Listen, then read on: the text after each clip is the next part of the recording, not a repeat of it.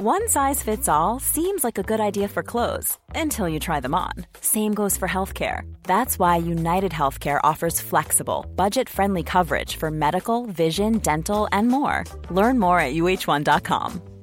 There's never been a faster or easier way to start your weight loss journey than with PlushCare. PlushCare accepts most insurance plans and gives you online access to board-certified physicians who can prescribe FDA-approved weight loss medications like Wigovi and Zepbound for those who qualify. Take charge of your health and speak with a board-certified physician about a weight loss plan that's right for you. Get started today at plushcare.com slash weight loss. That's plushcare.com slash weight loss. plushcare.com slash weight loss.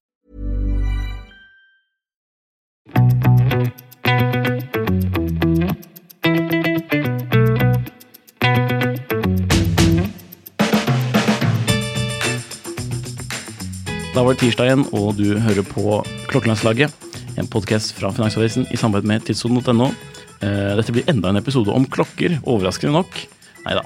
Men det er eh, gjest i studio, og som du kanskje allerede har sett fra tittelen på podkasten, så er det Jonny Rolex Larsen. Rolexen der er jo i anførselstegn. Jeg vet ikke, er det, er det et, Bruker du kallenavnet selv? Nei. Nei. Hva syns du om det? Jeg, jeg har blitt vant til det, da. Ja.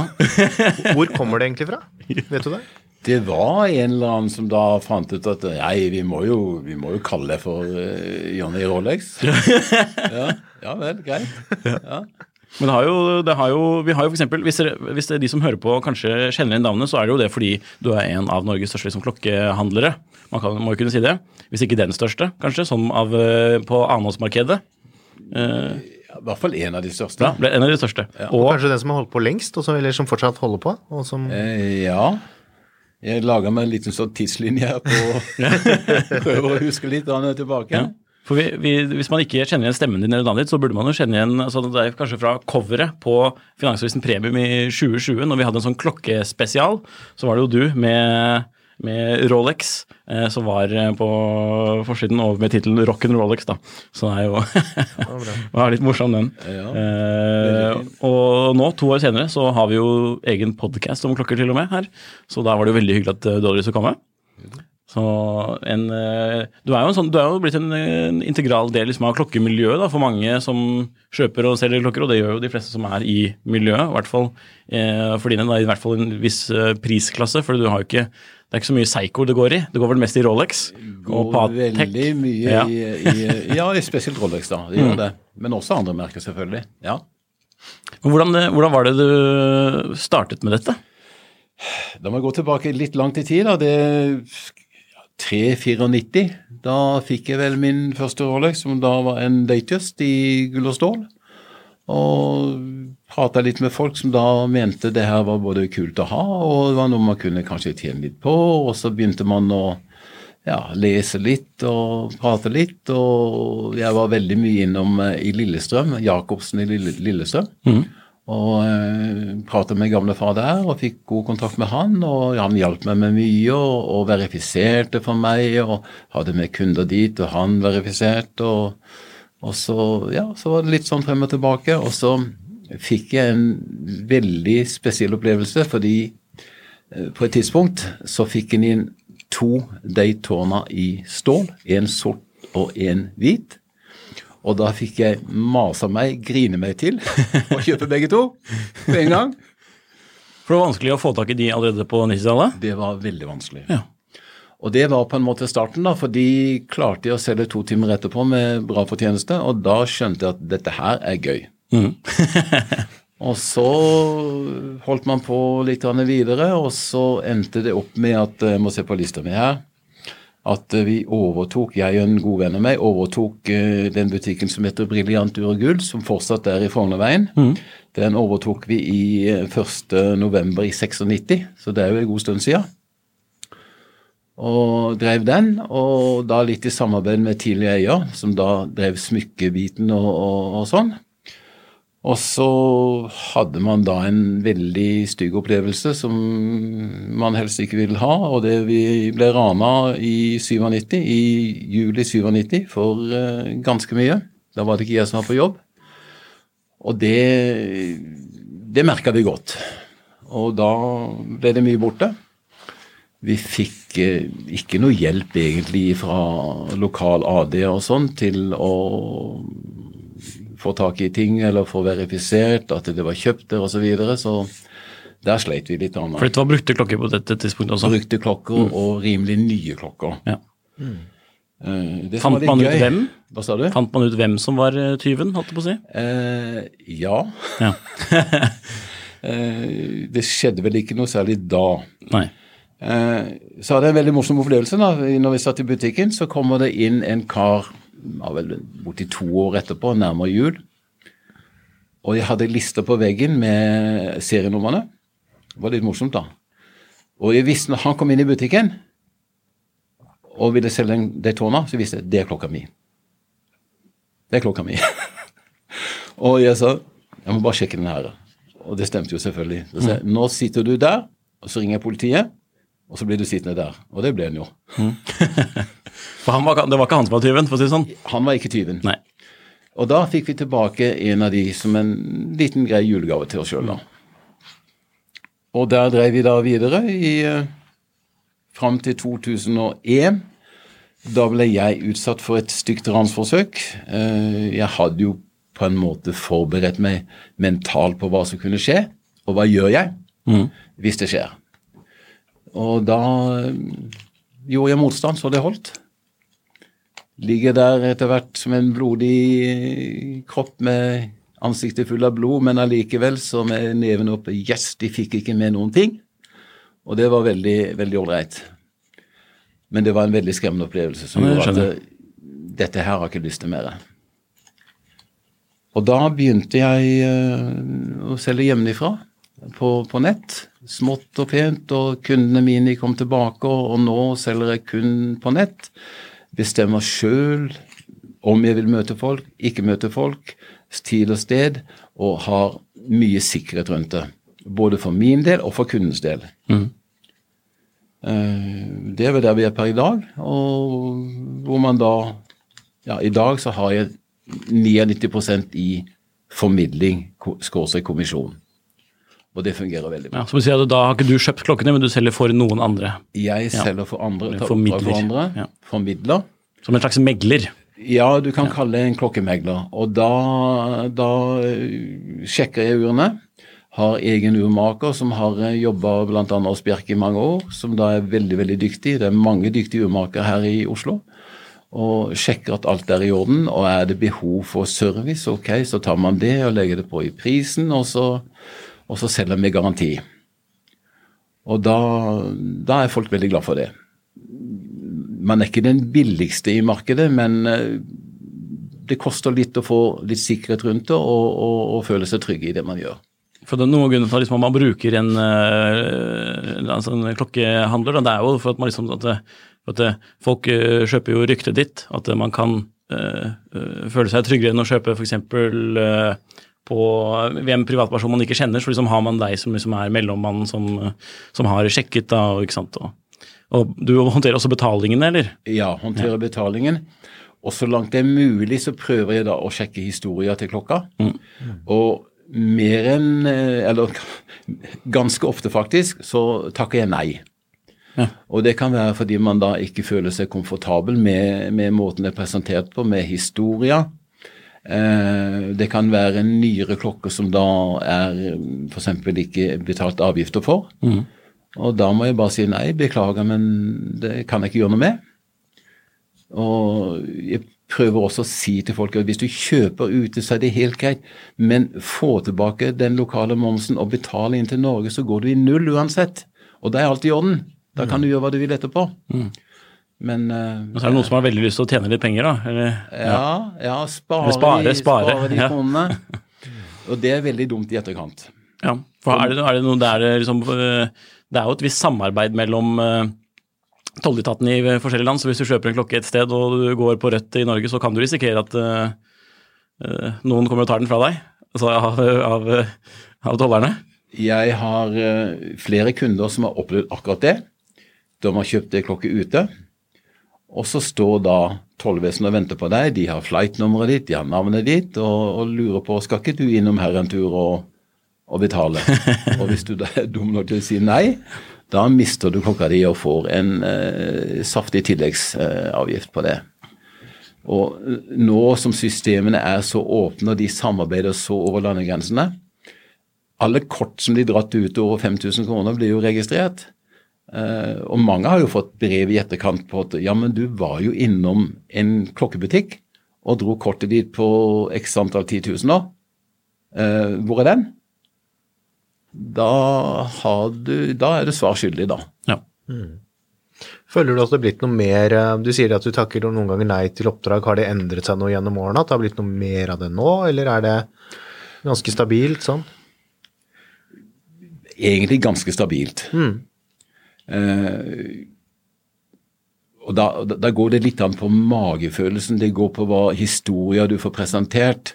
Eh, det holder ikke å si bare ja, men den har jeg arva, liksom. Altså, det, må, det må være noe mer bak det enn å bare slenge ut noe.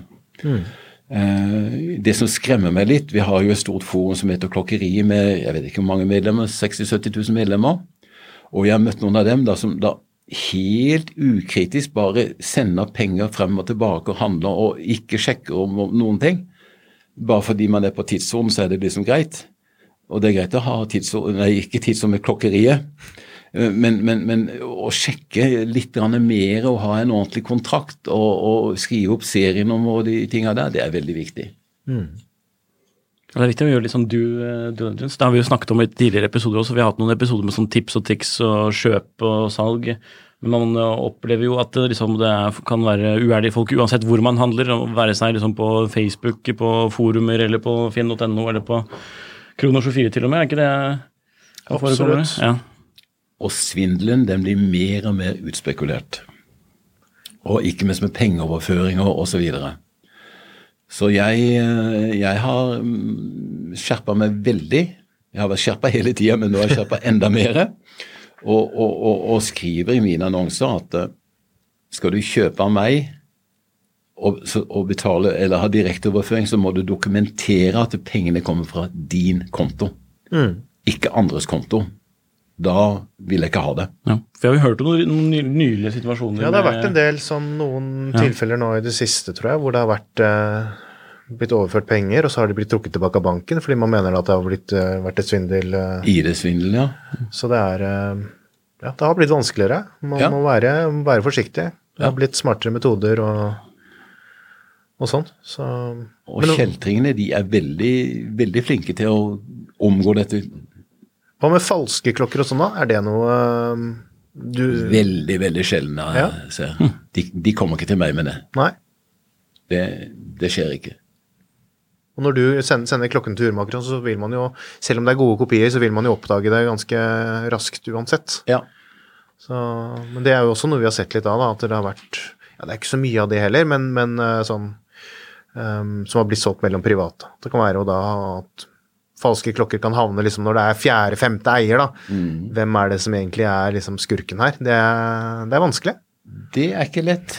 Det er ikke lett. Og da syns jeg det er veldig greit, når jeg får det til meg, så skal de i hvert fall ikke komme videre her. Ikke sant? For jeg har ikke råd til å være svarteper her, altså. Nei. Så var var det mer fake før enn på 90-tallet enn det er nå, eller er det liksom det samme? Det var nok mer fake før, men da så du at det var fake. Ja. Eh, Jeg har vært borti i, i kopier her som er så gode at du må åpne de opp, altså. Og det, det kan faktisk være kopier med originalt verk i. Men så er det noe som ikke stemmer likevel. Det er skummelt å tenke på, egentlig.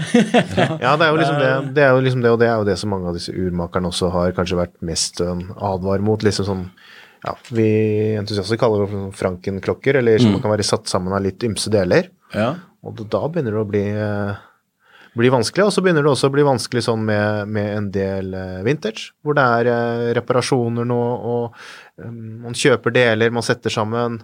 ja. Det begynner å bli veldig vanskelig. Og, og spesielt nå når fokus også er på Det var kanskje litt annerledes før, men nå har jo liksom fokus blitt veldig sånn på veldig små detaljer. Og da må jo liksom også alt sammen stemme. Ja. Og det har blitt veldig mange kontrollpunkter som man liksom må gjennom da, for å ja. Og der må jeg bare tilstå at der, eh, der liker jeg å bruke Jeg har et par stykker som jeg henvender meg til, og som da ser på det jeg har, og på en måte godkjenner og, eller ikke godkjenner. Og da er det først og fremst det ytre, da. For der er det også små detaljer i beselringen, i skiver, eh, visere osv. osv. Før man da legger ut. Og så prøver jeg også å ikke være så Altså, jeg skriver ikke for mye i mine annonser. Jeg syns det er mye bedre at folk sjøl kan Jeg prøver å lage gode bilder. Det er ikke alltid like lett på, på, på runde glass. prøver å lage gode bilder. La folk se sjøl. La de bestemme er dette greit eller ikke greit. For jeg orker ikke å inn, innlate meg på diskusjoner at, eh, på, på, på tulledetaljer og bruke masse tid på det. Det gidder jeg ikke. Da skriver jeg heller litt mindre. Se på bildene. Eh, sjekk, og du kan få se klokka. Du kan få, til og med få åpne hvis du vil. Eh, men sjekk ut sjøl. Ja, det er sånn jeg mener det bør gjøres òg, for jeg ser jo en del Jeg husker ikke om jeg har pratet, pratet om det før, men liksom hvor det er til og med folk sier at denne her er helt upolert jeg, jeg, er, jeg er sjette eier, og denne klokken er 30 år gammel, og jeg vet at den er upolert. Hvordan vet du det?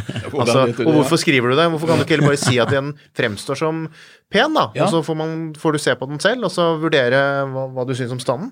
Nemlig. For øh, ja, for det er jo mange som Det har jo blitt veldig sånn i um, klokkemiljøet, føler jeg nå, at det har blitt sånn Kanskje at man har Det er mange som vet om ting, om hva man skal se etter. Man skal se etter at det, skal være upolert, men så vet man kanskje ikke egentlig helt selv hva det egentlig Nemlig. betyr. Og så bare stoler man på det man leser i annonsen, og så tenker man at det er greit, og så Ja.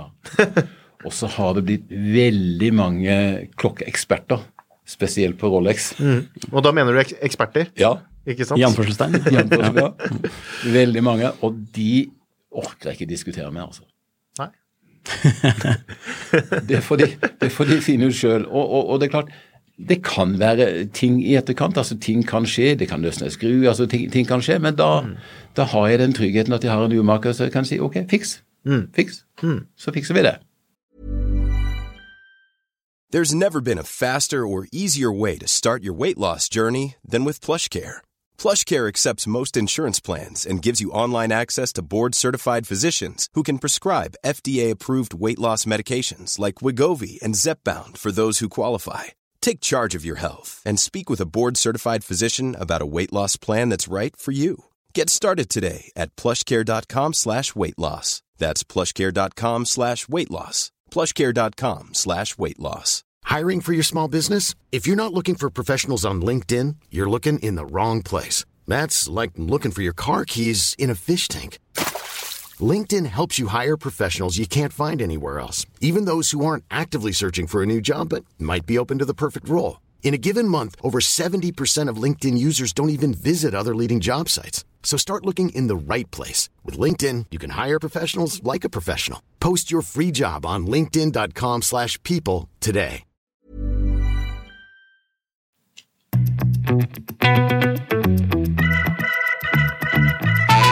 Syns du det har blitt noe forandring sånn i, i For du har holdt på mange år nå, men hvis man ser på det når, etter at du begynte for deg selv uten butikk da, med kunder og sånn, er det blitt noe forandring i hva slags type kunder det er, og ja, det kan være alt fra alder til, liksom, til hva, hva de ønsker å kjøpe, til Hva er liksom de største endringene man har sett der? Ja, hva skal jeg si? Eh, Det har blitt mer allemannseie å ha en fin klokke. Og det kan være unge mennesker som da har spart seg til en fin klokke. Og det kan være unge mennesker som har lånt seg til en fin klokke. Eh, og det kan være godt voksne som da uh, syns det er veldig greit å ha en fin klokke. Men det er klart, prisene nå er jo helt hinsides enn bare, bare for fem-seks uker siden for dyre ting. Så hvorfor har det blitt sånn? Ja vel, det har ikke jeg noe godt svar på, men eh, var en som sa, og det syns jeg var godt sagt, at hvis Rolex lager én million i året, og det er ti millioner som vil ha de, så blir prisene deretter. Ja. Så det syns jeg var et godt poeng. Men det er vel litt, for, for din uh, side så er det vel litt bra for business at det er mange som vil ha Rolex? Ja, det er det. Det er det. Og, og så må man da prøve å tilpasse seg hele tida. De nye priser, nye, nye modeller, nye merker. Altså alt dette her. For du vil ikke gi bort penger? Nei, ingen vil gi bort penger. Og, og, og, og når man bare tar en Daytona i, i stål, og som for seks uker siden med hvit skive du kunne få 330 nå er det nærmere 450 kanskje 500 000, så er jo det helt galskap, spør du meg. Men uh, hvis folk er villige til å betale for det, så Så er det sånn det er. opp til hver enkelt. Ja. Ja. Ja, det er utrolig. Hva med andre merker, da? Er det, er det noe inter interesse for, for andre ting enn en Rolex og Patek og liksom de veldig populære tingene? Altså, hos meg så er det Rolex og Patek selvfølgelig, dem er det ikke så mange av. Og så er det litt Breitling. De har på en måte dabba veldig av. Mm. Og det er kanskje fordi at de har skutt seg sjøl litt i beina ved å selge veldig mye dumper og selge via gråmarkeder spesielt ut, og, og nå rett ifra fabrikk og de tinga der. Eh, men eh, du har jo mange fine merker. Vacheron, Konstantin, du har Hulo, du har mange mange fine merker. Men jeg får ikke så mye av det inn. Nei. Så Så er det, sånn, er det sånn 70% som er Rolex? ja, det er det. I hvert fall 70 Ja, i hvert fall. Han heter jo Johnny Rolex òg, da. Ja, ja. ja. Men eh, er det noen, liksom, er det noen helt Er det noen sånne eh, helt ville Rolexer du har uh, hatt uh, gjennom henda eller gjennom businessen eh, eh, de siste årene, eller? Eller opp igjennom årene, for den saks skyld? ja, du sa vel til meg at du hadde hatt veldig, veldig mange, ja? Ja. ja. Det, vi, har, vi hørte noe sånt at kanskje at du hadde hatt en veldig kul sånn milsub en gang? En sånn, sånn uh, militær uh, Rolex? Uh, nei, den har jeg ikke hatt. Og du har ikke det? Nei, ok. Ja. Nei da. Men hva er det som er, som er kremen av kremen hva gjelder vintage Rolex Oi. Da nå om dagen? Eller er det større interesse, interesse for de nye? Akkurat nå er det større interesse for det nye, og øh, dem får du jo tak i hvis du betaler prisen, men vintage blir det ikke flere av. Og der tror jeg at eh, trenden kommer til å øke veldig framover. Kommer til å bli mye mer vintage. Og da er vi inne på noe av det du sa, Jon, at, eh, at eh, ting må stemme. Og, og, og selv hos Rolex og, og mange forhandlere før om åra, så var det ikke så nøye med, med reparasjoner. Man brukte de deler man hadde, eh, og satte det sammen. Og ikke minst mange AD-er, når de hadde gamle sånne klokker inne, og bytta altså Viser var litt korroderte, bare kasta de og satte på nye som ikke var tidsriktige. Og det ble bare kasta. Ja. Skiver også, og beselringer og Man skal jo ikke så veldig langt tilbake i tid før det liksom var helt sånn Før man nesten møtte altså ikke noen forståelse fra forhandler, da, hvis man sa det at nei, jeg vil, jeg vil ikke Jeg skal ha klokken på service, men jeg vil ikke bytte skiven, f.eks. da. Det er jo først nå i nyere tid det at de har begynt å kanskje anerkjenne mer det at dette her er noe som faktisk kunden bryr seg om. Ja. Før så var det jo bare standardprosedyre og liksom ja, polere og bytte og kaste, som du sier, ikke sant. Og, så, så det er litt morsomt. Men jeg, jeg tenker litt sånn ja, at det, det der med vinters, at man ser at interessen Som du sier, det er mye mer sjeldne klokker. Som det ikke blir noe flere av. Det blir kanskje til og med bare færre av det. Eh, det kanskje viser litt den der at de drivkreftene i markedet nå, da, det er ikke bare de eh, som er virkelig interessert i klokker, og som er interessert i liksom, hva skal jeg si, eh, historien og interessert i, i, i, i hva Rolex egentlig er. For da hadde man jo også sett at vintage-klokkene ville ha vært like hotte som, som disse nye, blanke som man skal vise frem i sosiale medier og, og, og jå- jåle seg med.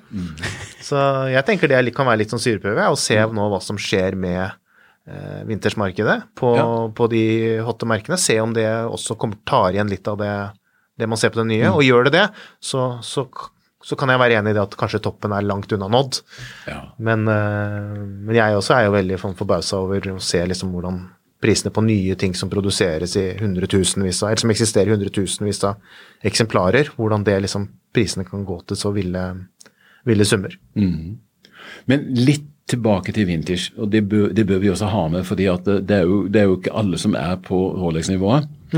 Og, og, og jeg mener selvfølgelig at om du er glad i klokker, og du har en Certina til noen hundrelapper som er vintage, så er den akkurat like verdifull for deg, og den er like fin. Så det, det, det må vi ikke glemme å ta med, altså. Det er, eh, det er like viktig, Absolutt altså. Apropos det, skal vi, skal vi altså, når, eh, Hvis jeg skal ta tilbake til disse premiumcoveren fra 2020 Hvis jeg viser den til eh, kamera nå, eller dere som uh, hører på, så skal jeg legge en link i beskrivelsen til saken.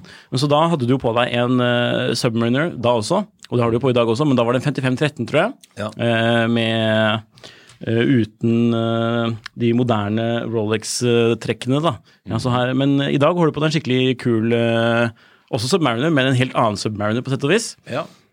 Og eh, da igjen, så vil jeg oppfordre til å se på videoversjonen av, dette, av podcasten her, for da kan du se selv på klokken også, men den har jo en helt ypperlig patina.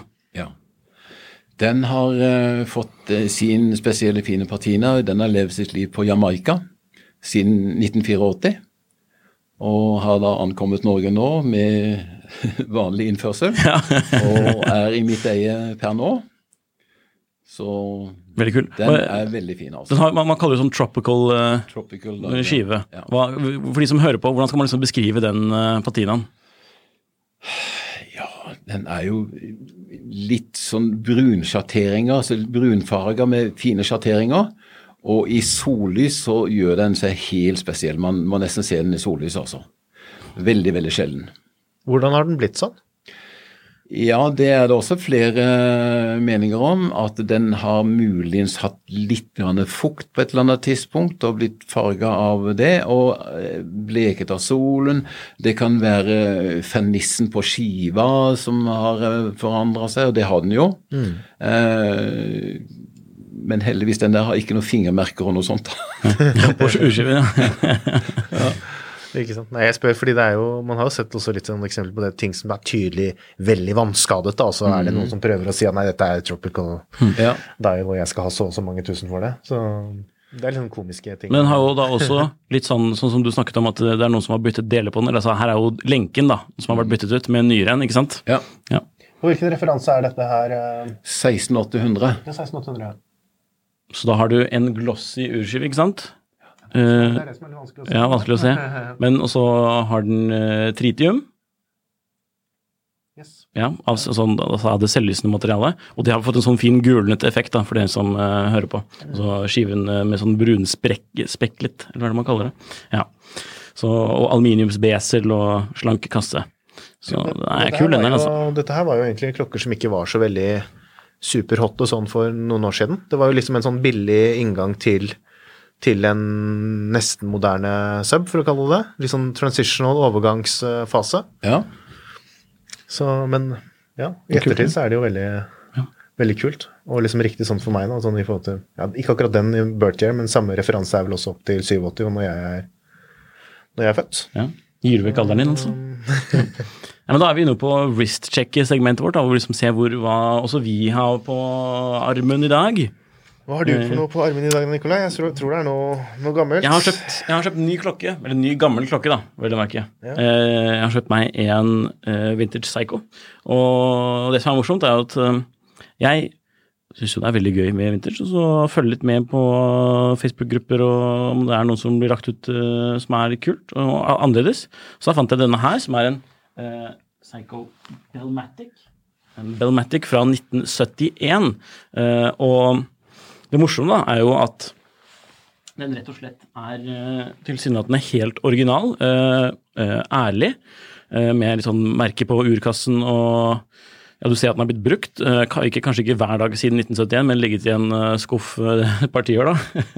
men likevel, den er jo den tilsynelatende upolert også. Jeg vet ikke, jeg skal ikke være for bastant etter Jon Henrik sin uttalelse i stad. det er 100 upolert. Nei da. Men så den er morsom. Vi fikk den for 2500 på klokkeriet, så veldig fornøyd med den. Eh, ble solgt på en sånn, De har en sånn vintage-mandag eller vintage-tirsdag, tror jeg, med en sånn tråd. Og så er det ofte litt sånn kule klokker som folk poster der. Altså, som, eh, så må man naturligvis gjøre sin due diligence og se på bildene og spørre om mer bilder. Og så var det en veldig hyggelig selger, da. Så det var rett og slett eh, Jeg er veldig fornøyd med det kjøpet. Ja, det har blitt en umiddelbar favoritt, rett og slett. Ja. Eh, I sammenligning som eh, nå Man har jo gjerne sånn der honeymoon face, med liksom en ny klokka si som tenker sånn åh, verdens beste klokke. Og så er det sånn et par uker så har det liksom dabbet litt av. Eh, Men jeg tror det er, dette er en stayer, altså. Så, så Og så har den en funksjon, fordi Ja. den heter jo Belmatic. den har jo en veldig morsom funksjon. Det er jo halvparten av moroa. Det er jo, eh, Siden den heter Belmatic, så har den en sånn uh, funksjon type à la Vulcan Cricket. Som at du kan sette Den har en sånn rød pil Den har en alarmfunksjon. Den har en alarmfunksjon, rett og slett. Så du kan sette en rød pil som du styrer med uh, skrukronen, og så kan du sette den på et visst punkt, eh, f.eks. da klokken kvart på ett, sånn som klokken er nå. Og da, hvis du hører på mikrofonen her, så når eh, timesviseren treffer denne lille røde beselen, da, eller beselringen, så skulle den da sette av, men det gjorde den ikke nå. Du fikk ikke trukket alarmen, kanskje? Nei, jeg hadde ikke gjort det, ikke sant. Så, ja. det skal ikke være lett det her. Sånn, nå. Så nå har jeg trukket ut alarmen. Sånn. Der, hørte. Jeg skal sette den på ordentlig her. Driver- nå, nå knoter jeg fælt, men nå. Så har den da en ekstra fjær eh, i tillegg til mainstream, spring, som man da eh, trekker opp med kronen når eh, alarmen ikke er eh, armert, da, om man kan si det på den måten. Så fint sånn opptrekkslyd for, så vidt. Så den eh, varer i ca. 11 sekunder, og den er sånn at den, vekker meg, den kan vekke meg. Og hvis jeg, når jeg satte den på for et møte her om dagen, og da jeg, så, var jeg, så var jeg ikke vant til den, så bare skvatt til i kontorstolen men når, den- når den bøsse det begynte å vibrerer litt sånn i armen også, ikke Ja. sant? Du merker det godt. eh. Kjempekult. Den gjør det. Så vi, det er en litt fiffig greie. Morsom. Og det viser jo litt det som man ser, da, at selv om markedet er veldig hot nå på enkelte klokker, så er det veldig skyggelapper at det- som ikke er blant de hotte tingene, eller det som alle snakker om, da får man, kan man gjøre supre kjøp, for den er jo definitivt verdt den prisen du, Herregud, det er altså du ga for den. Verdt, absolutt. Altså, det, er så, det er så morsomt. Ja. Og så er det sånn der partypiece, så du kan, vise du er på fest da, og skal vise fram klokken din, ja. så viser jeg fram en Vintage Psycho, så viser jeg fram Har du sett på denne funksjonen, eller? Lurer jeg på hva slags fester du er, hvis det, noen, blir, noen blir imponert av det der. Men, eh, Det er uvisst, altså. ja. Hva med deg, Jon Henrik? Nei, Vi får bare gjøre det litt kjapt. Vi har jo vist fram denne her mange ganger før. Ja. Det er en min uh, Bommercier evighets perpetual calendar. Mm. Fin, en komplisert, Gullklokka di? kostbar klokke fra et billig, eller et rimelig merke. Så det er liksom morsomt. Den dyreste klokka fra det billigste merket, nesten. Nei da, det er litt sette litt på kanten, da. Men eh, ja, veldig fornøyd med den. Ja. Morsom greie. Kjempefin. Det går ikke så mye Vinter Psycho eller Psycho på nettsiden din, kanskje? Nei, det, det har jeg ikke. Men det er klart, hadde jeg kommet over noe sånt som du har kjøpt der, så hadde jeg kjøpt det med en gang. Ja. Men det er jo det er Ja, ja, ja. fryktelig morsomt. Ja. Så, og det er veldig sjelden man finner eh, original tilstand da, på disse Belmaticene, eller Winter Psycho generelt. Det er så sinnssykt mye Franken. Altså, det er helt utrolig. Men den her, this, this one checks out. Sånn, så. ja.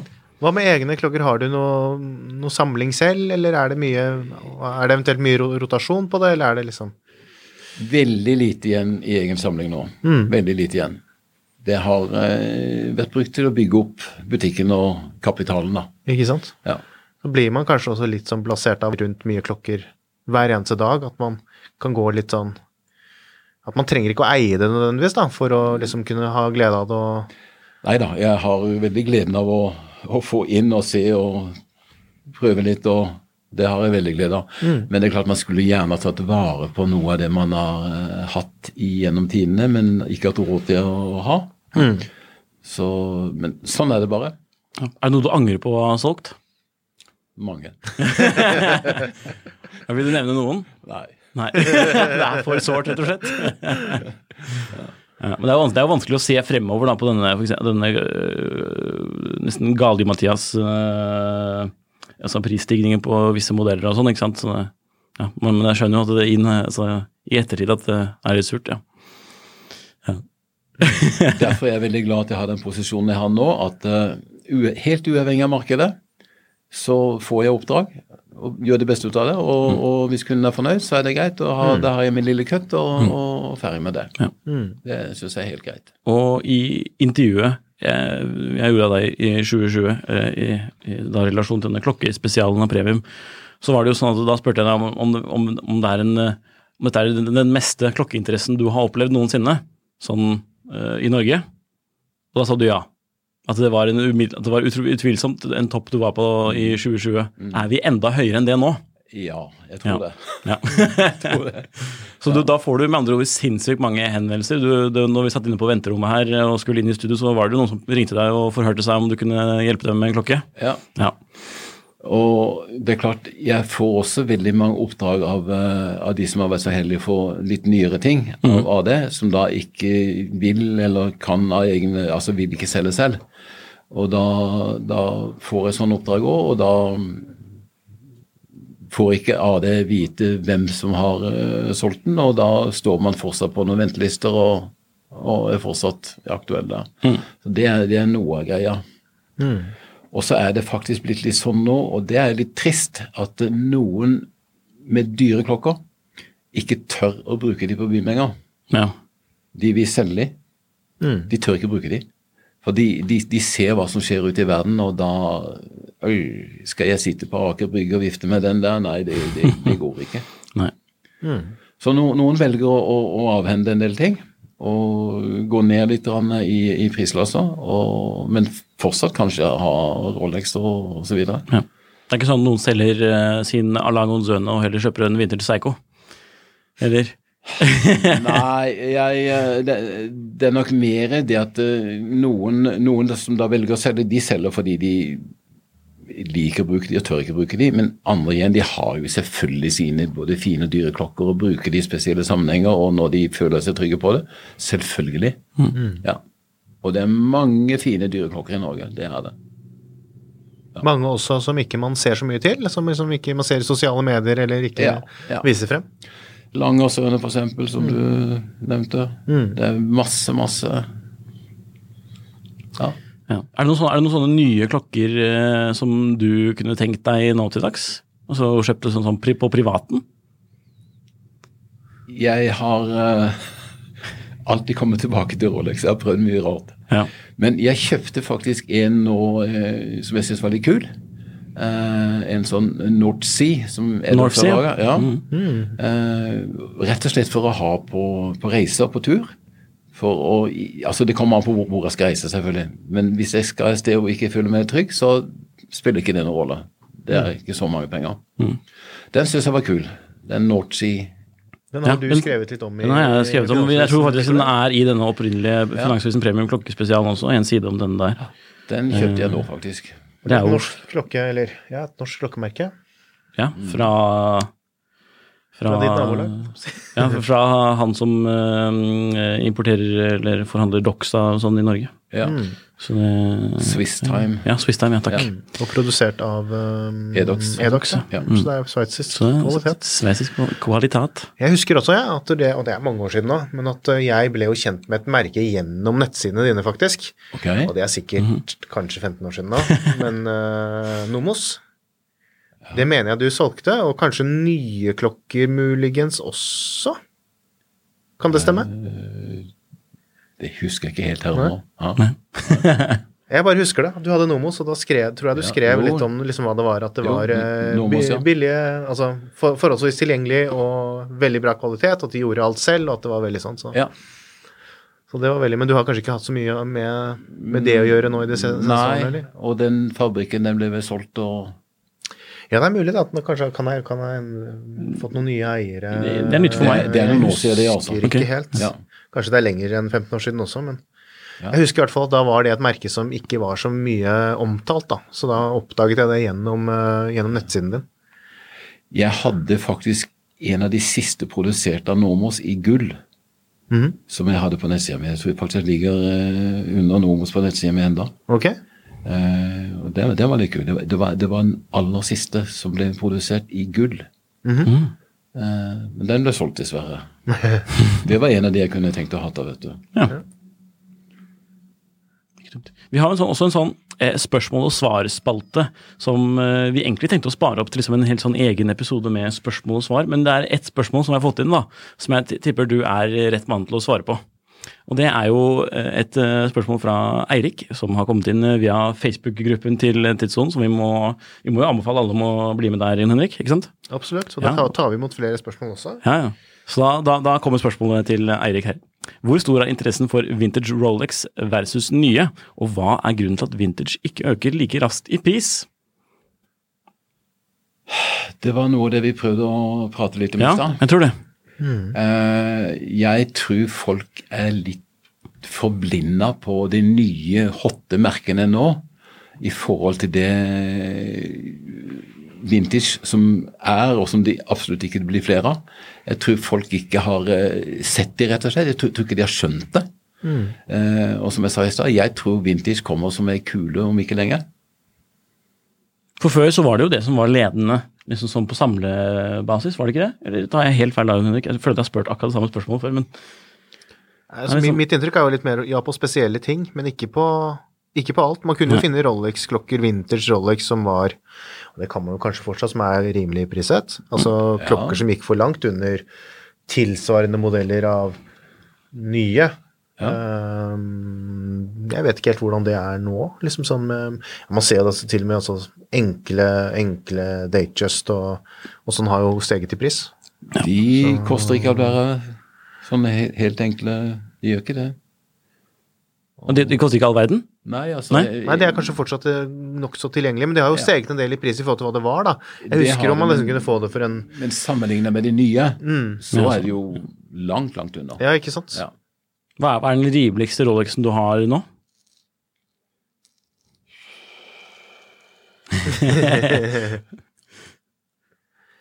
Ja, det Da må jeg tenke etterpå. Jeg kan, jeg kan jo sjekke på nettsiden. nå. Gå inn og se. Ja. Neida, men uh, det er ikke Jeg husker også en sånn bubbleback uh, Ja, Og sånn var jo veldig hot en periode. Det husker jeg også, jeg så på nettsiden din. Men det er liksom ikke noe interesse for, eller er det fortsatt noe der, eller? Og den tida hvor de lå der og jeg hadde, så lå de jo på en 30-40. Mm. Og hva de ligger på nå, det vet jeg ikke. jeg tror, det, jeg tror rett og slett det er det samme, altså. Ja, men det virker som den interessen, altså den har jo liksom, ikke, om ikke forsvunnet, da, i hvert fall ikke økt nå. Så det er Nei, liksom ikke kanskje, kanskje Nei, noen samlere som fortsatt sitter og holder på med det, da, men det er liksom blitt en sånn veldig nisje. De er jo Ikke, litt- ikke noe synlig. Det er litt Liksom. mindre, det er ikke sånne sporty klokker som det er fokus på nå, på sett og vis. Selv om de var jo vanntette, eller vannresistense, resistente, uh, i sin tid. Ja, interessant. Ja, nå, nå sitter jeg og blar litt på, på sidene som er brilliantwatches.com slash .no. Eh, så er det for eksempel, jeg ser er jo, det er jo mye annet enn bare Rolex. Det er jo litt sånn for eksempel, eh, man har uh, le Coultre, eller hvordan skal man si det, Jon Henrik? Jeg føler jeg er dumme hver gang jeg sier disse navnene, altså. det er. Eller Omega. Og en Rolex Prince, det er jo sjeldne greier, da. En sånn uh, kvadrat uh, som nesten kunne liksom tolkes som en, var det en Patek, eller Patek. Eh, den er jo kul, da. Eh, så det er, jo, det er jo mye annet enn bare liksom, eh, det sobre uh, sportsstålet fra Rolex. Ja. Så det jeg opplever, er jo at de fleste av mine kunder, eller potensielle kunder, de er ikke på hjemmesida mi. Nei. De er på Finn, og noen på Facebook. Mm. Og så kommer de med mye rare spørsmål og sier ja, men kan du ikke gå på hjemmesida mi og se der? Mm. Og hvis du har en som du lurer litt pris på, så kan du også se historikken på hvordan prisutviklingen har vært for veldig mange, for det ligger da helt åpent der, hva de er blitt solgt for. For eksempel. Mm. Og så har du litt sånn, vi, vi, Jeg og Henrik er i hvert fall, vi er litt sånn fan av sånne glemte helter, eller sånne neo-vintage-klokker som folk liksom ikke helt enda har fått øh, øynene opp øh, for. Det som er liksom er litt mellom vintage og det nye hotte. Det som er litt sånn 90s. 90s, Ja. 2000-tall, tidlig 2000-tall. Og du har én sånn klokke på siden din som jeg har sett på Finn også, som er litt sånn som jeg er litt sånn nysgjerrig på, for den er jo litt kul. Det er jo Bulgari Diagono Scuba ST38S. Eh, til eh, ikke altfor mange tusen hvis vi sammenligner med Rolex. da. Så det, er sånn, liksom, det, er, det er jo en litt sånn artig sportsklokke fra et liksom mer sånn smykkeaktig merke, eh, som nå har blitt ganske alvorlig klokkemerke. da. Du har jo det. Jeg har jo hatt en sånn klokke. Du har det? Du har hatt en sånn? På gummirem? Ja, og den er rimelig, Den er rimelig, ja. og den er serva ja. med to års garanti. ja. Det er god reklame her. Så, men det, det er sånn der, Det her må jo på et eller annet tidspunkt må jo det blir litt kult å samle på det. Ja. Nå er den vel på Nå må vel sies at dette er jo altså liksom, Dette må jo være sånn eh, noe av det altså, Nei, Det eh, er kult å samle på. det er, det er, men, ja, eh, 38 millimeter sportsklokke, liksom. Det er jo fett. Ja. Det er jo det Og så Altså, den har jo samme altså, den har, Det er jo stål kasse, gummirem, eh, litt fint merke. Det er jo det er en Patek Aquanaut, det her. jeg vet ikke hva slags uverk det er, men det er vel Det er ikke kvarts, tror jeg. Eta. Vet. Ja, det er nok et Mm. Artig. Mye klokke for pengene står det i beskrivelsen, så da må det vel være sant. Ja. Er det noen sånne Jeg spurte jo litt om det, men er det noen sånne klokkehandler du husker spesielt godt? Eh, Kanskje mer av den positive sorten, da, for du fortalte jo om noe av de dårlige eh, opplevelsene.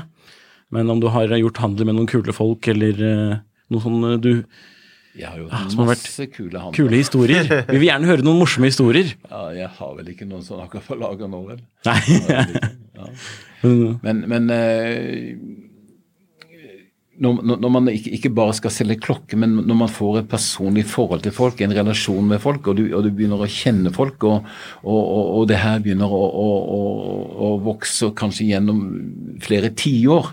Altså Du har kunder som kommer tilbake, noen etter to år, noen etter fem, kanskje 10-15-20 år. Nå har jeg holdt på lenge.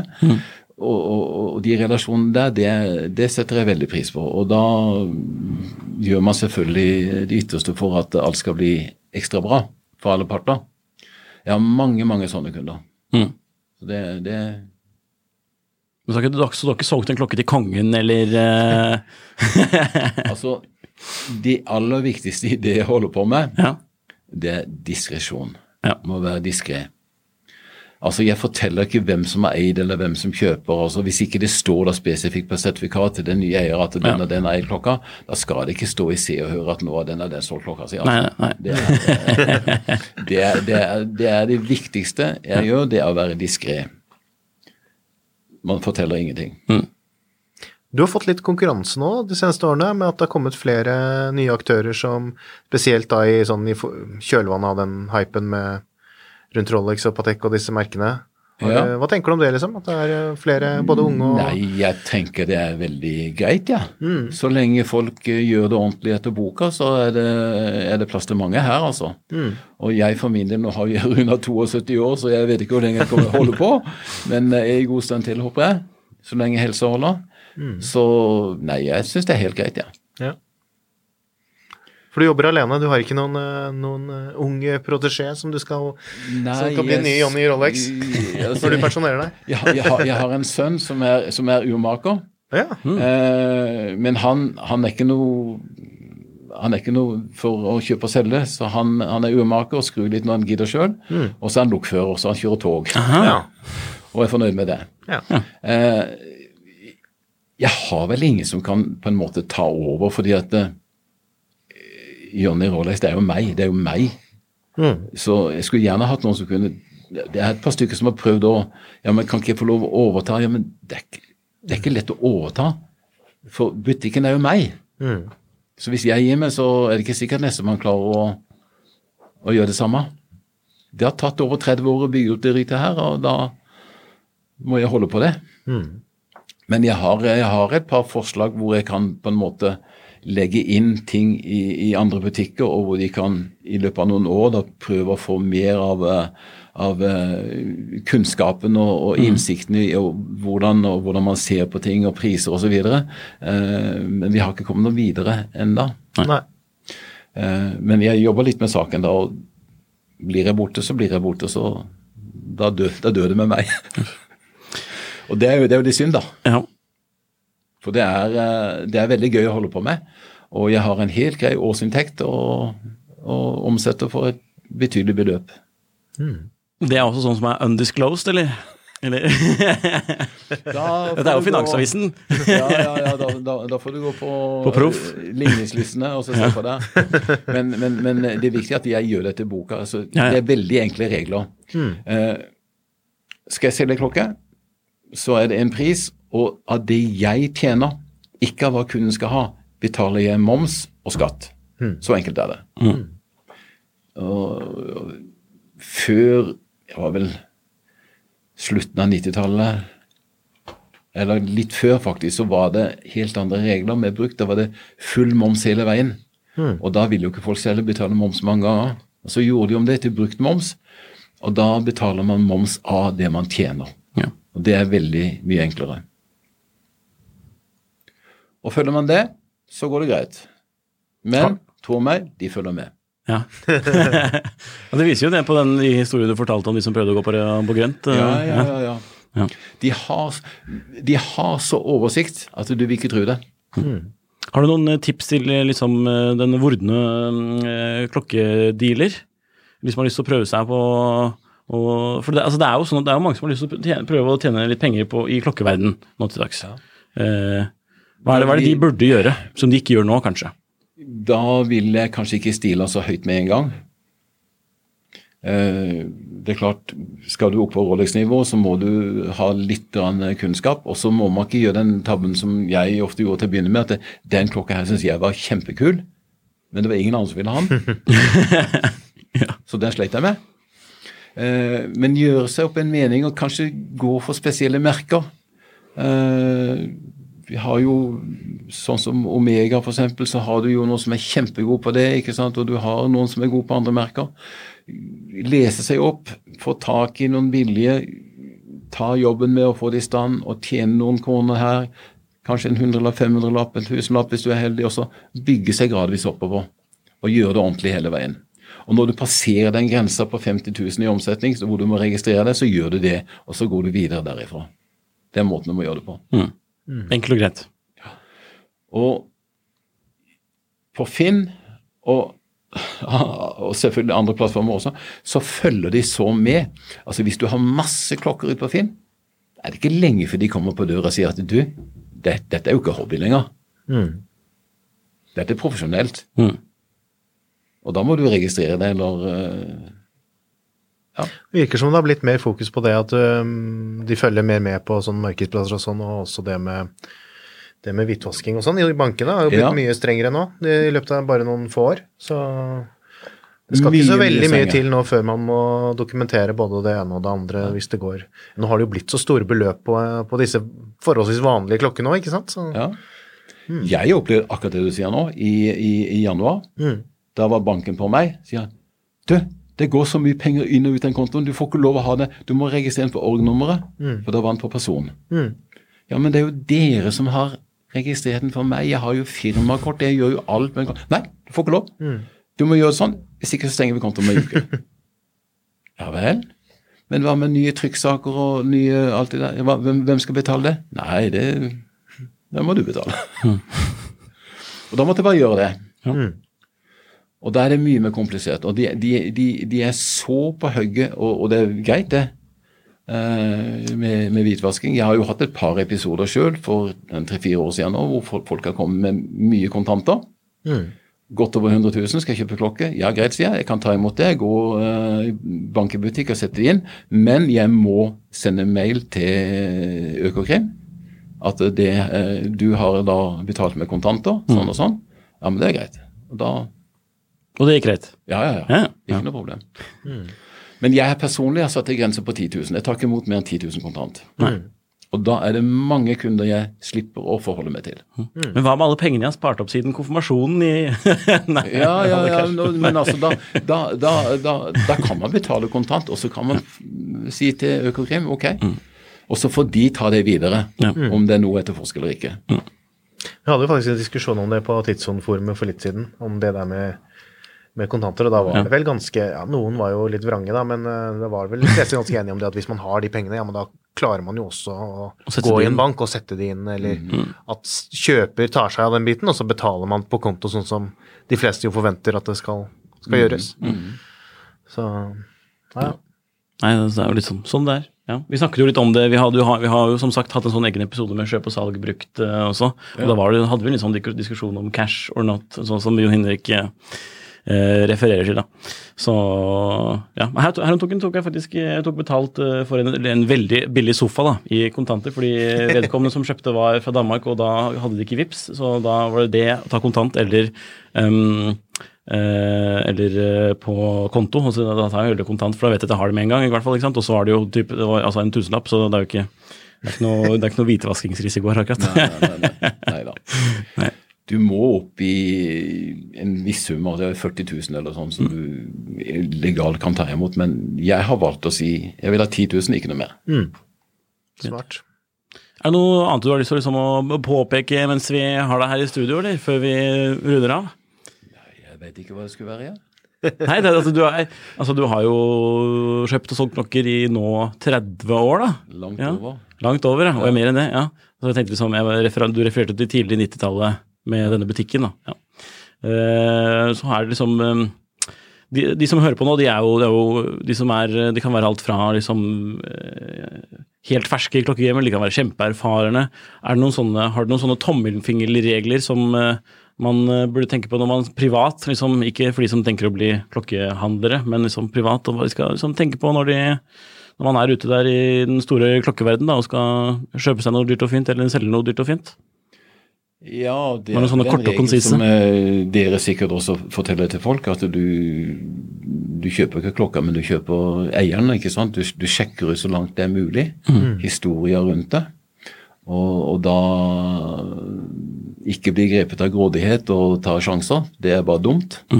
For er det noe som er eh, så billig at det er for godt til å være sant, så er det jo ofte det. Da er det ofte et eller annet med det. Selv om noen da legger ut noe på Finn nesten i vannvare uten å ha sjekka noe som helst, og noen da ta, får tak i det med Det, det skjer jo selvfølgelig. Men, eh, men eh, sjekk ut det å ha en ordentlig avtale, skriftlig avtale, lese alle numrene og, og, og få det ryddig. Og, og eh, skal du selge, så får du penger inn på konto før du leverer fra deg. Enkelt og greit. Enkelt og greit. Ja. Jonny Larsen, takk for at du kom. Bare hyggelig. Helt uh, topp å ha deg på besøk her, så håper vi du kommer innom en annen gang også, med masse kunnskap. Eh, bra. Uh, takk for at du hører på Klokkelandslaget, en podkast fra Finansavisen i samarbeid med tidssonen.no. Eh, vi har jo masse andre podcaster her på huset også, så vi anbefaler at du hører på de. Og så vil vi at du gjerne skal inn på tidssonen.no og sjekke ut forumet der. og Stille oss spørsmål. Stille oss spørsmål. Vi vil jo veldig gjerne ha en eget spørsmål- og svarepisode, som vi sa i stad. Eh, så vær så snill, send inn spørsmål. Ingen spørsmål er for dumme. Nei. Eh, da er vi fornøyde. Det er vi. Ja, takk for at du hørte på. Takk for oss. Hei.